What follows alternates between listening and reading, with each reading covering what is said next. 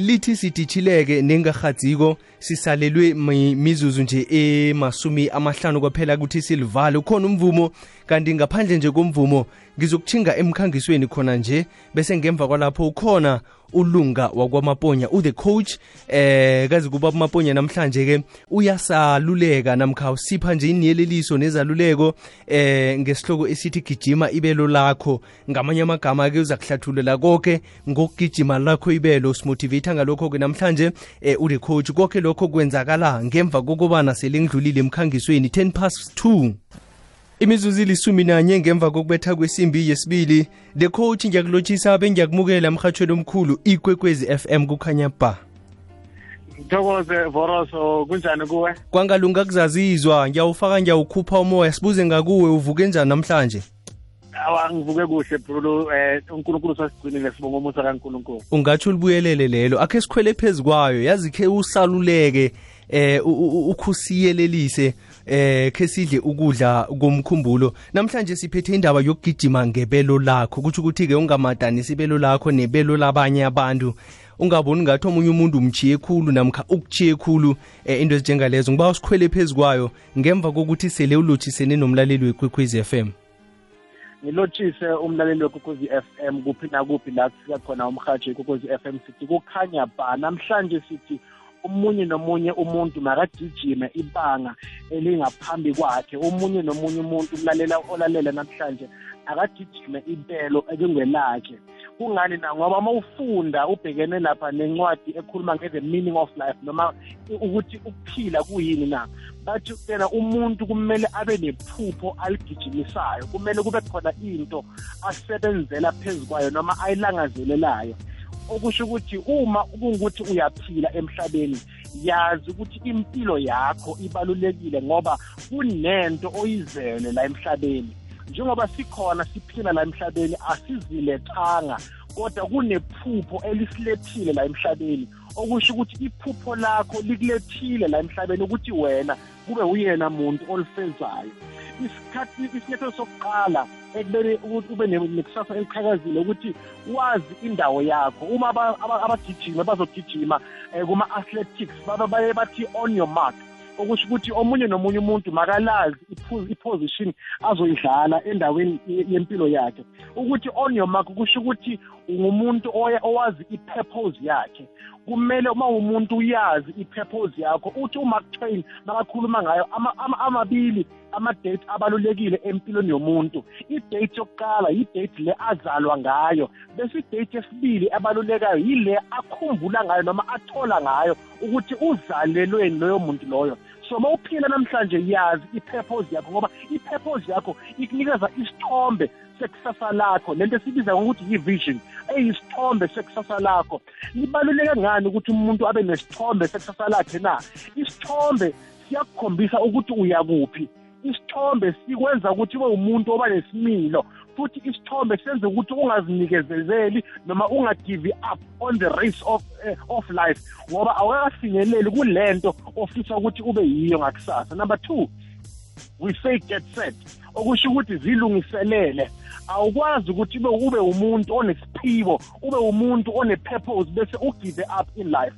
Omunye makakhuluma ngayo voroso uthi kungcono ukuthi uzilungiselele kodwa ungabi nethuba nokuthi kuyithuba likuthole ungakazilungiseleli. So uma umuntu yondla lephupho onalo funda ufide lephupho elikhona ngaphakathi kwakho. Ungahlukumezi uhluphekise iphupho onalo ngokuthi ungalifunzi noma ungaliphi iy'mfanelo zalo. Uma iphupho lakho lithi hambe esikolweni hambe esikolweni. Uma iphupho lakho lithi zilolonge zilolonge. Uma iphupho lakho lithi funda izincwadi funda izincwadi. Kodwa yenza konke okufanele ngakuwe ukuthi wondle wandise udlondlobalise lento ekhona ngaphakathi kwakho. Ngoba iphupho lakho ngeke lize lizifeze. Iphupho lakho ngeke limane lizikhulele nje. Kumele wena uthathe isinyathelo sokuthi uzilungiselela ngako konke okumele ukwenze ukuze wondle ukhulise udlondlobalise lephupho elikhona ngaphakathi kwakho. Ekugcineni abantu ababagijima ku-athletics bathi-ke bona go. Okusho ukuthi thatha isinyathelo. Qala ngalokho onako qala ngalokho okwaziyo uqale la ukhona khona. Yekela ukuhlehlisela ngakusasa uhlehlisela inyanga ezayo uthi ngizabona kahle next year. Qala namhlanje uqale la ukhona uqale ngalokho onako uqale ngalokho okwaziyo ukuthi uzolinda isikhathi esihle ungahle ulinde unomphela. So qala la ukhona isasa lakho likulindile lidinga wena ukuthi usukume la ukhona uthathe isinyathelo voros ngithokoza amagama athi thoma ngaleso sikhathi thoma lapho khona ngalokhu onakho begodi ngalokhu okwaziko ngombana esikhathini esiningi sibabantu kuba mraro loyo wekuthalo le welulubezo wanasi into ekufanele ikuchise ikuchove ukuthi uyithome into. Akuthwenye ukuthi yini eh ligadango lokufunda namkha mhlambe eh lihwebo nanyana kuyini ukuhlola eh namkha ukufunda. Akuthwenye ukuthi yini igadango lokuthoma liqakathekile eh ukuthi ke ulithathe umuntu. Manje ke sikhulumisa ibelo. Esikhathini esiningi abantu ke baphila ihliziyo eh nababona izinto zibakhambela kabuthaka. Aloke senza njani the coach? Sibabantu sikhona njani ukukhuthala nalokho sibona ngasuthi izinto azihlangani? Ngombana ukungahlangani kwezinto kukodwa. Kuyamgandelela umuntu kuyamthatha eh kumbeke phasi kumgandelele phasi. Kutsho ukuthi ubathe bathe uyalinga eh ukuzikhuphula kodwana ukubona izinto zingahlangani kuyakubetha na umuntu. Sikhona njani ukuba nethemba nanyana kunjalo? Eh inhlayiseko siziqalile zilapha kodwana ube nethemba ungakukhona ukuphela ithemba? Ekumele siku-understand eh voroso ukuthi ukushayeka empilweni eh ukuhlangabezana nobunzima ukubhekana nentshijilo kuyingxenye yendlela eyempumelelweni ayikho indlela eyempumelelweni ehamba la uthanda khona noma ezohamba ngendlela efiswa uwena.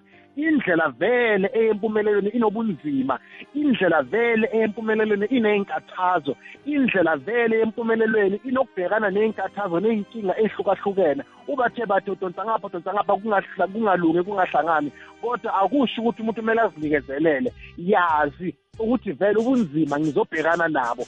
Bese kumele ukwazi ukuthi uthole abantu abazokweseka ngey'nkathi zobunzima. Uthole indawo la khona uzophephela khona ngoba uma umuntu awukwazi ukuthi wakhe into enkulu uwedwa. Awukwazi ukuthi ufinyelele la ufuna ufinyelela khona uwedwa. Kumele uthole abantu idlanzana labantu ezokwazi ukuthi likhulume likunikeze amandla wokukhuthazeka noma izindlela ezahlukahlukene ukuthi ngendlela le uma ihlula le ndlela le.